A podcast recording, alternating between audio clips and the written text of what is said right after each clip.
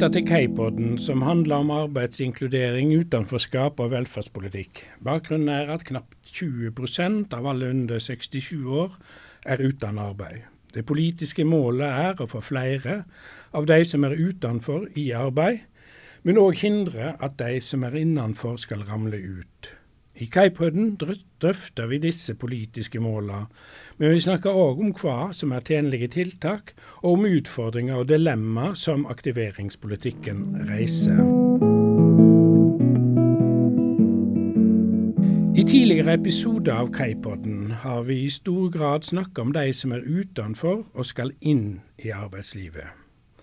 I dag skal vi derimot snakke om arbeidslivet sjøl, nærmere bestemt om arbeidsmiljøet og de som står i fare for å ramle ut av arbeidslivet.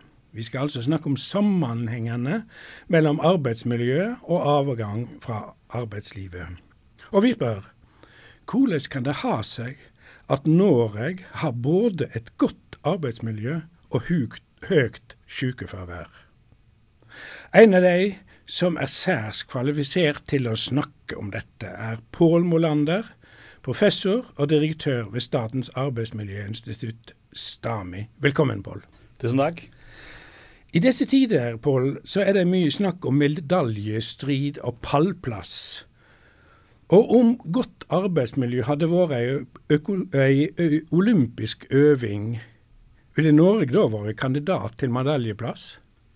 Det ligner veldig på i hvert fall de nordiske skiøvelsene i OL, hvor de nordiske landene skiller seg klart ut på internasjonale sammenlignende undersøkelser. Eh, hvor man forsøker å prøve å måle arbeidsmiljøstandard. Og Det er jo en, en, bifunksjon av det samfunnet vi har og det arbeidslivet vi har. Og tett og godt samarbeid og høy grad av tillit osv. som dere kan uh, mye om sikkert.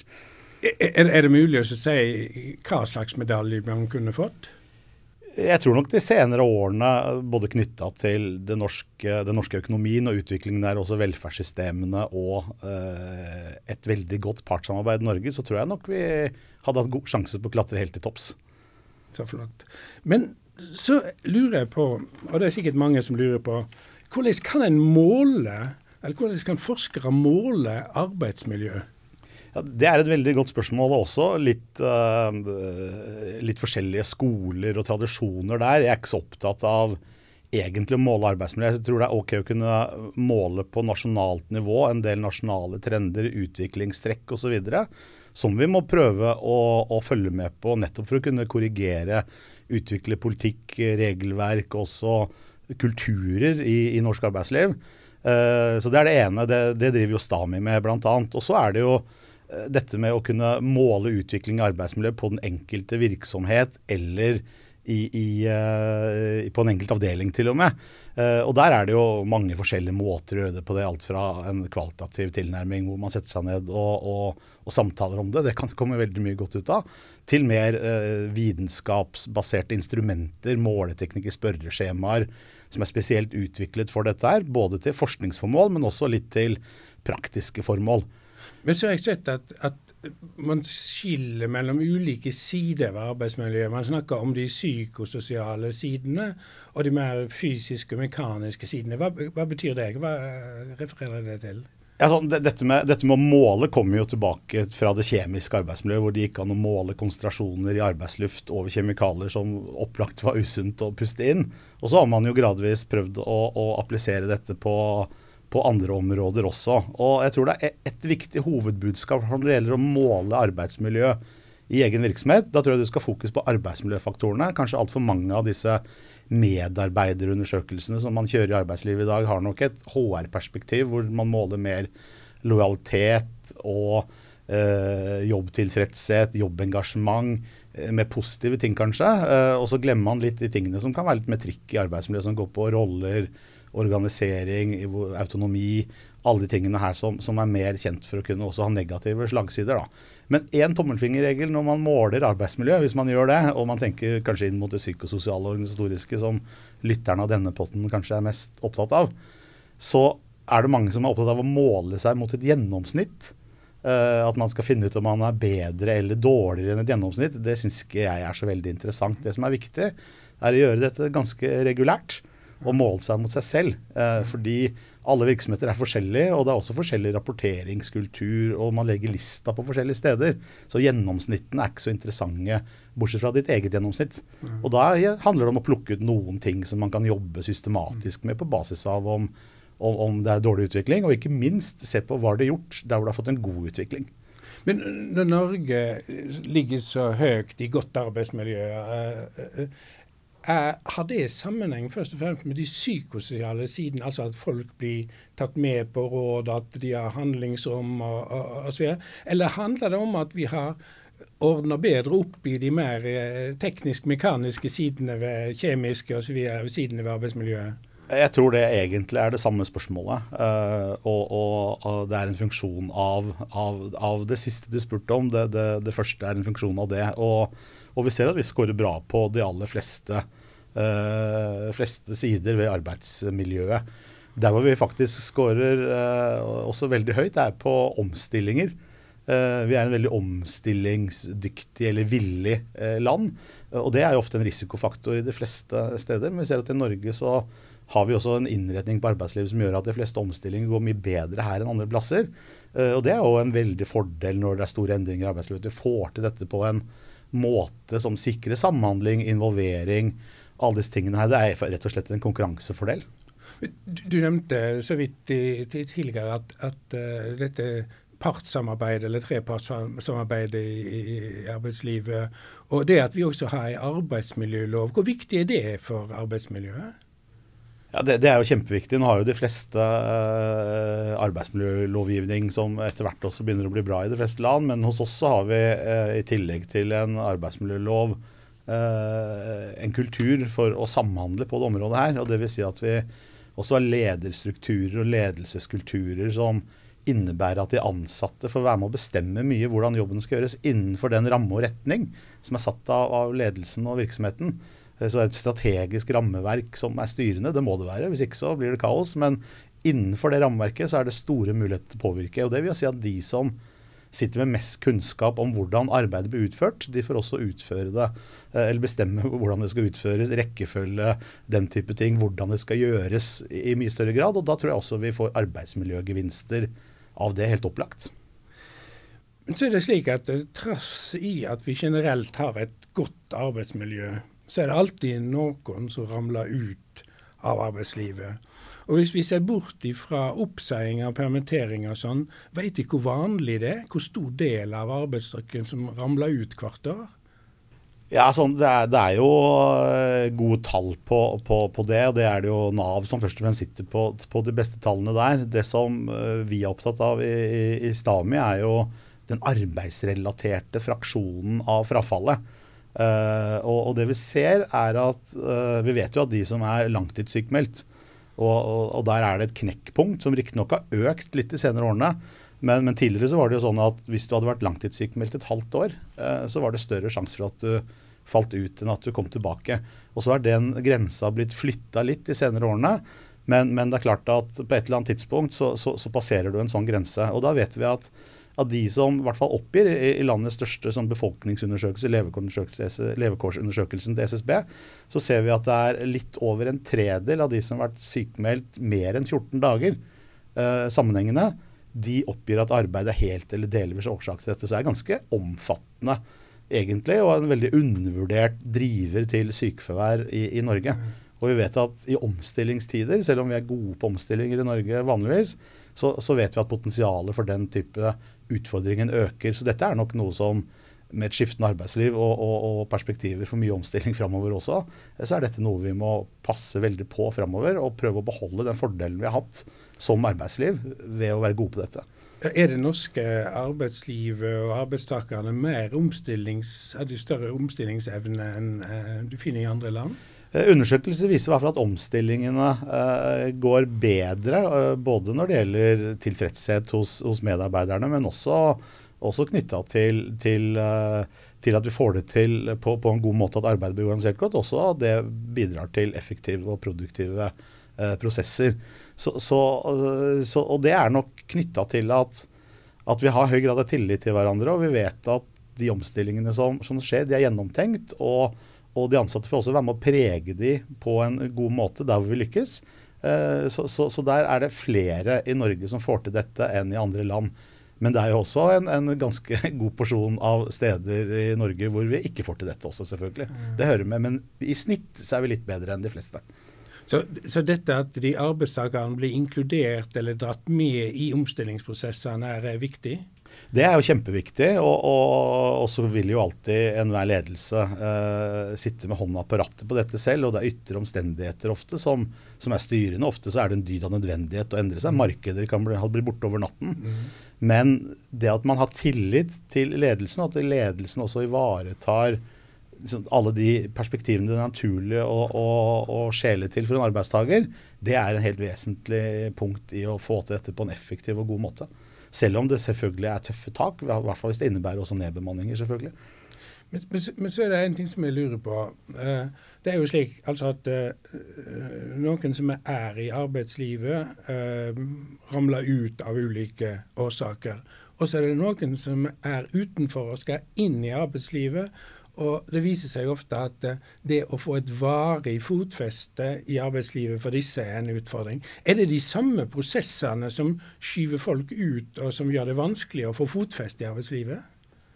Eh, det er et godt spørsmål. Det er nok, eh, det er nok noen faktorer som er de samme, men hvis jeg skal driste meg på å, å, reflektere litt rundt det Her har ikke jeg noe tung vitenskapelig belegg å slå bord med.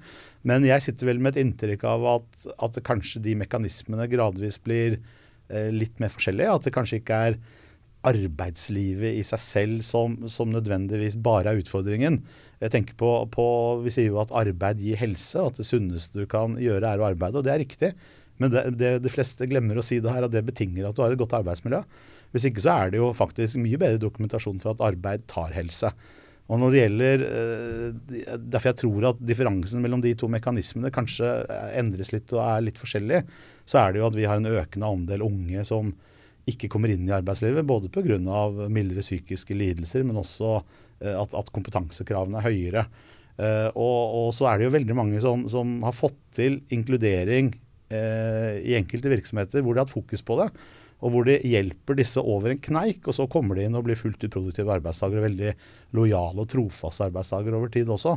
Eh, og de tror jeg er veldig gode på arbeidsmiljø. Eh, så, så, så, hvis du skal få til inkludering, så nytter det ikke bare å gi folk en sjanse. De må komme inn i veldig, veldig trygge og gode arbeidsmiljøer med høy grad av sosial støtte både fra ledelse og kollegaer. Og da eh, tar det ofte ikke så lang tid før dette eh, blir eh, liksom rosende suksesshistorier og ting man, man ja, kan glede seg over. Det ser jo ut som at for disse som skal inn, så, så, ser det ut som at man lykkes i å få de inn, men det man sliter med, det er å få fotfeste i, mm. i, arbeidslivet. Og Der tror jeg fokuset på arbeidsmiljøets betydning har vært for lav. Uh, og, og, for å lykkes her, så må du, hvis vi skal vende tilbake til dette med å måle arbeidsmiljø, så må du nok være god på i hvert fall enkelte kvaliteter i arbeidsmiljøet og, og, og, vektlegge det veldig høyt. Så det er en investering du gjør da, til eh, seinere inntektserverv. Men så er det slik at eh, om vi sammenligner oss med andre europeiske land, så har vi altså i Norge flest arbeidstakere som, har, som er tilfredse med arbeidssituasjonen, og som mener at arbeidet påvirker helsa positivt. Men samtidig har Norge det høyeste sykefraværet i Europa. Det framstår som et paradoks. Hvordan henger dette sammen? Dette er en veldig sånn komplisert debatt med en blanding av både fag og politikk og delvis uh, ideologi. Noen mener at det er knytta til de helserelaterte trygdeytelsene, og at det er en quick fix hvis man bare gjør det litt mindre lukrativt uh, i gåseøyne å, være sykemeldt. fordi vi har jo de romsligste ordningene. Samtidig så innebærer det at vi har det beste sikkerhetsnettet også for de som har behov for den type støtte. Uh, og, og, så, så, så, det er på en måte én side av det. Uh, hvis man ser litt sånn bak tallene, så er det jo sånn vi sier jo ofte at ni av ti i Norge trives på jobb eller oppgir at de har det bra på jobb. Uh, og da er jo det en samlebetegnelse hvor de har det veldig bra på jobb eller bra på jobb. Og så er det en tidel som da, eller 10 som, uh, som oppgir at de ikke har det, eller som har det dårligere enn bra på jobb. Uh, og det er klart at i den andelen der så finner du også kanskje de fleste av, av disse. Og så er det samtidig sånn at, at det å trives på jobb er ikke nødvendigvis det samme som at du har et et arbeidsmiljø som er helsefremmende og helt sunt for deg. Noe, dere er jo vel kjent med begrepet honningfella, hvor man faktisk blir så gira og engasjert i jobben sin at man ikke klarer å sette grenser for seg selv. Eh, som, som, et sånn klassisk eksempel på at det er to forskjellige størrelser.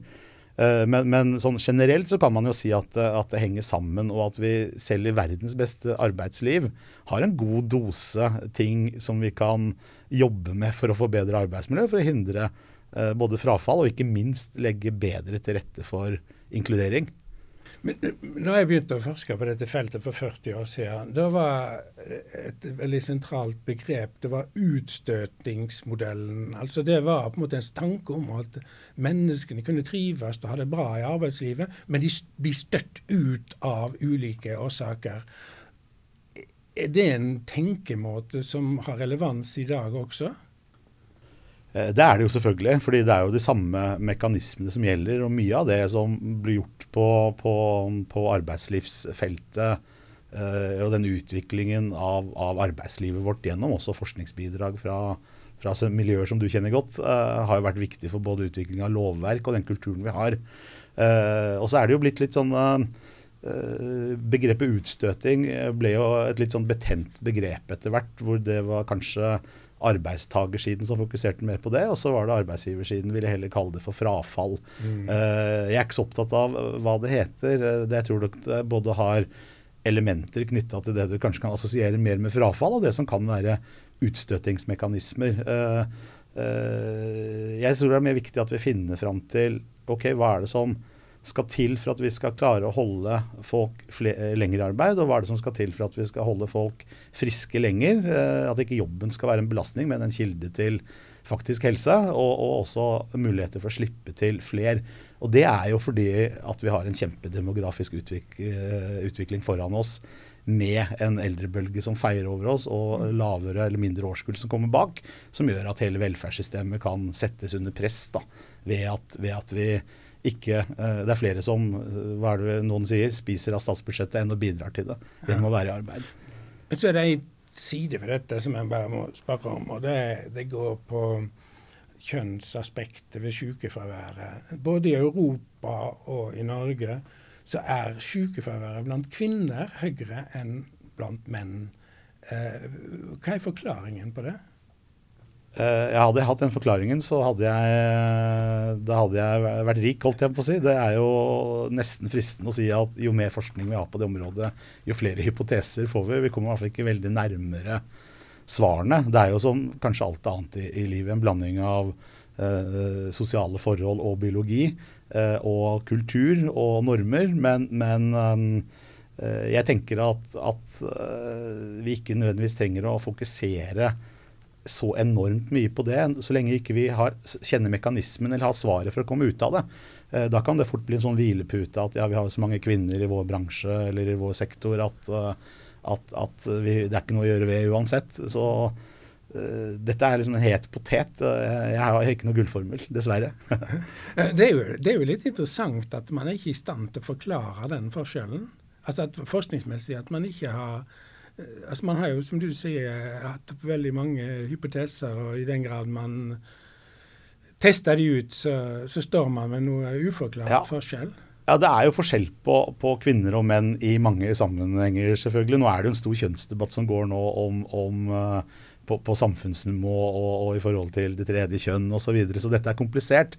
Men hvis du, hvis du, tar noe som er veldig dagsaktuelt nå, da, og tenker på fjernarbeid eller hjemmekontorsituasjonen, så viser jo også der uh, undersøkelser at kvinner, spesielt fra land, uh, også i Norge under pandemien, hvor du får en valgmulighet til å kunne jobbe hjemmefra like, så har kvinner en større tendens til å kunne velge å jobbe hjemmefra.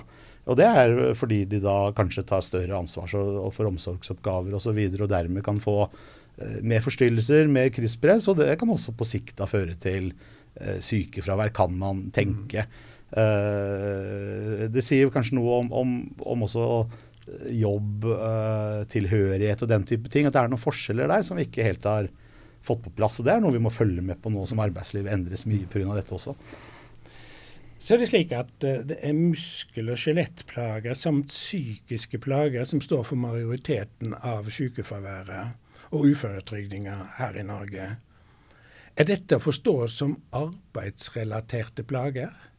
Uh, ja, det kan det jo være i stor grad, selv om hovedfraksjonen selvfølgelig ikke er arbeidsrelatert i verdens beste arbeidsliv. Så det hadde jo vært trist hvis det hadde vært sånn. Men uh, en ting som veldig få vet, og som, og som jeg syns er litt, uh, litt, litt, artig egentlig, er jo at en muskel-skjelett-lidelse eller en smertetilstand og en, en mildere psykologisk tilstand som kan bidra til sykefravær og ubehag osv. Eh, det, det er jo egentlig litt sånn eh, hårfine overganger mellom de diagnosegruppene. Og det som også er, er, noe som ikke så mange vet, er at det er ofte psykososiale eksponeringer som bidrar til begge de to utfallene. Så Sånn sett så ligner de veldig på hverandre.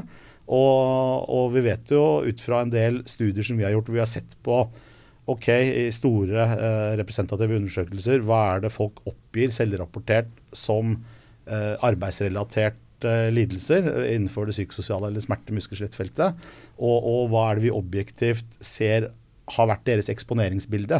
Og så ser vi på der vi vet mekanismer ut fra også mm. tidsaspekter og sånn. Så har vi prøvd å se på hva er det som er den eh, hva er det som er den arbeidsrelaterte fraksjonen her, som vi kan se. Og da ser vi at, at mange, mange, av de som oppgir dette, uh, har har i hvert fall en plausibel eksponering som har en kjent mekanisme til, den, uh, til det utfallet. Mm. Og da er det som jeg sa i stad, at, at, en tredjedel av de som har et langtidssykefravær, sier jo at arbeid er helt eller delvis årsak til dette. Og på muskel-skjelett-området uh, og på milde psykiske lidelser så er den andelen høyere. høyere. Hva er det ved arbeidet som kan forklare at folk i økende grad rapporterer om psykiske plager? Ja, nå, er det jo en økende rapportering av psykiske plager generelt i samfunnet, og, og spesielt blant unge. Og en litt sånn alarmerende utvikling i forhold til dropouts og, og det å komme inn. da. Uh, så, så, mye tyder vel kanskje på at, at, vi er blitt en litt mer sårbar uh, gruppe i forhold til de tingene her. Og det har sikkert noe med Eh, samfunnsutvikling og eh, eksponeringer eller belastninger kanskje, eller utfordringer som møter oss i hverdagslivet. Og Det er klart, det tar vi også med oss inn i arbeidslivet. Så det er vanskelig å skille disse tingene helt fra hverandre. Men, men øh, i omstillingstider og, og, sånn, så er det klart at arbeidslivet endrer seg. Også en del krav, spesielt knytta til kompetanse, øh, som gjør at det, at det, er mer krevende både å holde tritt og kunne være en arbeidstaker som, som til enhver tid er oppdatert. Uh, og ting skal gå fortere. Vi jobber mer uh, globalt, uh, på tvers av tidssoner. Så det er mange ting som tyder på at kanskje kravdimensjonen endrer seg. Og når vi snakker om krav, så er ikke det bare krav satt av arbeidsgiver. Kanskje vi også er i en fase hvor vi som individer også stiller høyere krav til oss selv. At det er viktigere for oss å være vellykket og, og, og, og gjøre det bra. og at da blir også kontrasten til de som ikke får til det, helt veldig stor. Uh, nå er det slik at Sammenhengene mellom arbeidsmiljø og plager og sykdom det er ganske godt dokumentert. Uh, tyder det på at vi også kjenner de mekanismene som skal til, eller som man kan påvirke for å øke sysselsettingsnivået? Vi vet i hvert fall uh, veldig mye om hvilke faktorer som har betydning. Og så er det mekanismeforskning er jo veldig krevende å finne fram til ikke bare at, at sammenhengen mellom uh, årsak og virkning, men også uh, hvor lang tid det tar. Det, det, er krevende forskning og krever ganske sånn stringente tilnærminger. Men på en del felt så, som er helt opplagt relevant i norsk arbeidsliv, så har vi den, har vi den kunnskapen. Uh, og så handler det om å sette den i system, da. Og det er kanskje litt vanskelig for oss i Norge, fordi vi har vært verdens beste på arbeidsmiljø uh, ganske lenge. Uh, og det å ta det neste steget, liksom rykke opp enda en divisjon der hvor ingen andre er, kanskje, det er en veldig krevende øvelse. Og jeg tror nok at kanskje vi i Norge, fordi vi hadde en veldig fin utvikling fra 70-tallet og utover, har kommet opp et sånt komfortplatå hvor hvor vi kanskje har tenkt på arbeidsmiljø mer som noe sosialt og noe kollegialt. At det er mer fokus på, på, på hva vi gjør i pausene, eh, eller etter jobb sammen med kollegaene, snarere enn det som handler om selve arbeidet. Hvordan vi organiserer, planlegger og gjennomfører arbeidet. Og det er nok dit vi må dykke litt dypere for å komme et steg videre. Og nå endrer mye seg. Det kommer til å bli mer krevende også, og da er vi helt avhengig av å, og gjøre det også på en, på en strukturert og kunnskapsbasert måte. da. Men nå er det jo slik at på veldig mange samfunnsområder så er en ting er at man har kunnskap om noe. Noe annet er å få gjort noe med det. Eh, så jeg lurer liksom på i hva grad er det et handlingsrom, og hvem er det som har handlingsrom her? Det, jo, eh, det ligger jo bl.a. I, i hele hovedtankegangen bak IA-avtalen, hvor vi bruker uh, nesten en milliard i året av norske skattekroner på det. Det er også den avtalen som er inngått mellom regjeringen og, og partene i arbeidslivet, hvor eh, også dette med de helserelaterte trygdeytelsene, bl.a. sykelønn osv., eh, har vært en sånn forutsetning for at man skal jobbe sammen om det. Eh, slik at staten i Norge tar en større andel av det enn i andre land. Og Da ligger det jo forpliktelser der i IA-avtalen. Så kan man diskutere hvor godt vi har lykkes med det. I den siste avtalen så kom det et ganske stort skifte. Da sa man at det er ikke bare de som inngår en spesifikk IA-avtale som får tilgang på virkemidlene i den avtalen. Den, den ønsket de da å gjøre generell, og den skulle treffe alle for å synliggjøre det. Og så endret man også på en del ting som man oppfattet ikke hadde hatt stor effekt, og satte i gang bl.a. en arbeidsmiljøsatsing, eh, hvor STAMI, Arbeidstilsynet, Nav og også litt Petroleumstilsynet skal jobbe sammen om, om tiltakspakker for å nå breiere ut da, med dette her. Men det er klart at jobben må skje på hver enkelt virksomhet. Hva, rolle du nevnte Nav. Hva rolle tenker du at Nav kan spille i disse prosessene? Nav har jo en veldig viktig rolle i arbeidslivet generelt. Noen mener til og med at, kanskje, at, at, det er så stort og så bredt at det er vanskelig å finne ut av, av, av hovedretningen og at de tingene som kanskje ikke Nav av ressurshensyn kan, kan, prioritere høyest, uh, blir litt borte der. Uh, men, men, det er klart at alle disse arbeidslivssentrene i Nav har jo alltid jobbet med arbeidsmiljøsidene, de, de tingene for å bistå virksomheter med med, med en, en, retningsvisende vei. Da. Eh, problemet med de, som evalueringer viste, var vel kanskje at, at de jobbet litt eh, eh, lite harmonisert, og at det var drevet av, av ildsjeler rundt omkring. Men at, at ikke det hadde en sånn tydelig ensrettet retning, som gjorde også at du kunne applisere det liksom breiere og litt mer ut. Var veldig avhengig av én-til-én. Og de som fikk de tjenestene, de var jo kjempefornøyd. Eh, men det var vanskelig å nå bredt ut til et stort arbeidsliv i kraft av ressursene. Så det er jo det man nå jobber med, å prøve å ensrette ting. Eh, Nav er jo veldig dyktig til å også se på hva det som kvalifiserer til at vi går inn i enkelte virksomheter, uavhengig om de, om de kvalifiserer til om de kvalifiserer til å få den type støtte. Da. Men tankegangen på arbeidsmiljøfeltet i IA-konteksten nå er jo at det skal komme et kunnskapsgrunnlag over ting som vi vet har effekt og som virker, også hvor det er kunnskapsbaserte tiltak som STAMI skal bidra med. Og så skal Arbeidstilsynet bidra med å, å, spre denne kunnskapen ut sammen med, med, med til, til, organisasjonslivet. Og så skal da Nav arbeidslivssenter, som nå har mange oppgaver utover dette også, eh, bidra til å prøve å få dette helt ned på virksomhetsnivået, og kanskje de virksomhetene som trenger det mest. Vi må dessverre stoppe her. Takk for samtalen, Pål Molander, direktør ved Statens arbeidsmiljøinstitutt, STAMI. Og Vil du gjøre deg mer kjent med forskninga til Statens arbeidsmiljøinstitutt, kan du gå inn på nettsida deres, stami.no. Tusen takk for at du kom. Du har lytta til Kaipodden, som er en podkast fra Kompetansesenter for arbeidsinkludering. Vert i Kaipodden er Lars Inge Terum som er professor emeritus ved Oslo OsloMet.